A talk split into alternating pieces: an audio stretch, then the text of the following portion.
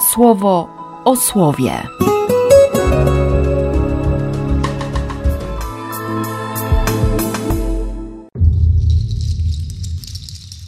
13 października, środa. Z listu do Rzymian.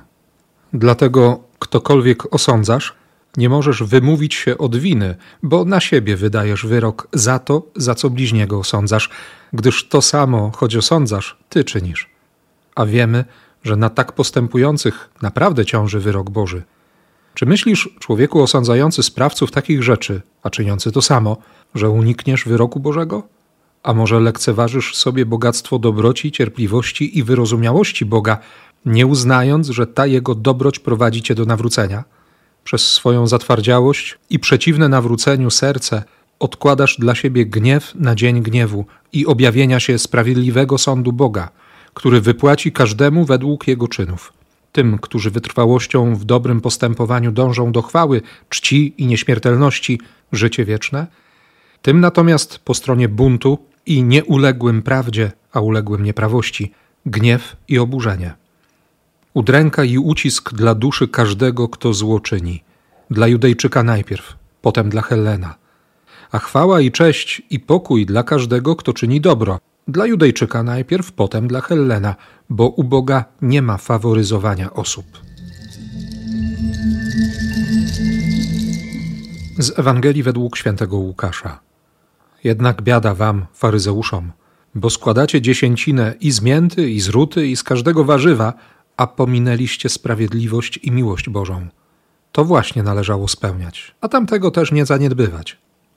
Biada wam, faryzeuszom, bo kochacie pierwszy stołek w synagogach i pozdrowienia na rynkach. Biada wam, bo jesteście jak groby niczym nieoznaczone.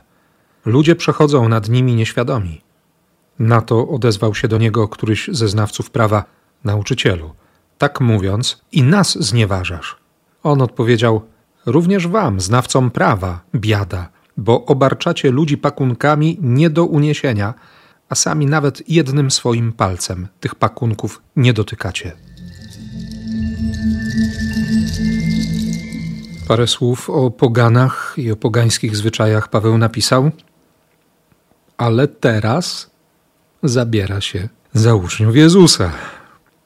Wydajesz na siebie wyrok za to, za co bliźniego osądzasz. Bo to samo, choć osądzasz, ty czynisz. Kiedy słuchałem tego słowa od rana, nie było we mnie nawet jakiegoś buntu, tylko, tylko przekonanie, że, że mam się nawracać. Nie? Że to słowo jest dla mnie szansą na zmianę, na zmianę mojego myślenia że potrzebuję dziś po raz kolejny modlitwy Kościoła, by nie lekceważyć sobie bogactwa dobroci, cierpliwości i wyrozumiałości Boga.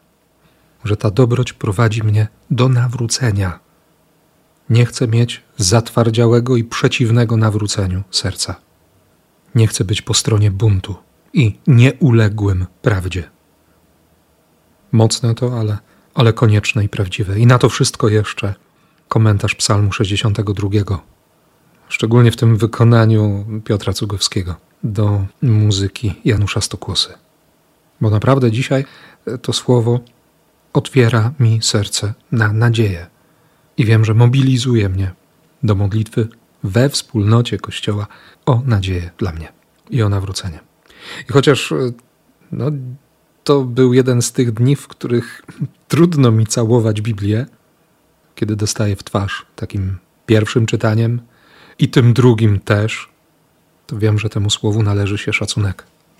I chociaż może nie być miło tak, jak nie było miło na tamtym obiedzie u faryzeusza, na który został zaproszony Jezus, no i było tam sporo tego właściwego, dobrego, inteligentnego, oczytanego i, i z wyższych sfer towarzystwa, to Jezus wszystko popsuł, bo wyciągnął prawdę. Biada, składacie dziesięcinę z mięty, ruty, z każdego warzywa, a pominęliście sprawiedliwość i miłość Bożą.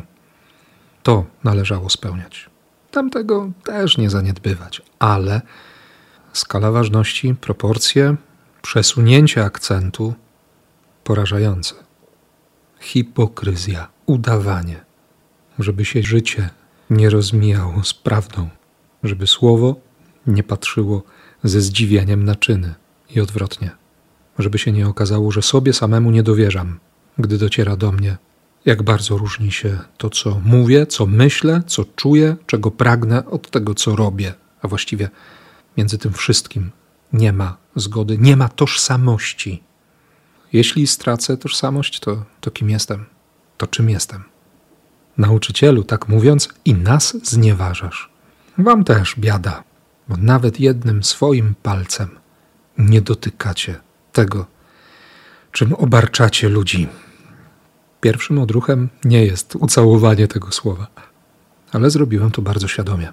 Pocałowałem Biblię już dzisiaj kilka razy, dziękując Bogu, że ma miłosierdzie i, i pokazując mi prawdę, zawsze pociąga o krok dalej. Zawsze o krok mnie wyprzedza, zachęcając do tego, żebym, żebym poszedł za nim. Więc nie bójmy się iść. O krok dalej. Jeszcze bardziej w miłość niż w osądzanie. W miłosierdzie, a nie sztywne trzymanie się litery po to, żeby móc z pogardą popatrzeć na siostry i braci. Wiem, że ty tego nie robisz. Ja też się o to staram, żeby tego nie robić. Ale i ty, i ja wiemy, że, że pokusa się łasi, jak piesek albo kotek. I demon wciąż będzie próbował zaanektować naszą wolę, nasze pragnienia, nasze nawet dobre chęci, a zatem na czystość w pragnieniach, w miłości, w prawdzie o Bogu, o sobie i o innych. Błogosławie w imię Ojca i Syna i Ducha Świętego. Amen. Słowo o słowie.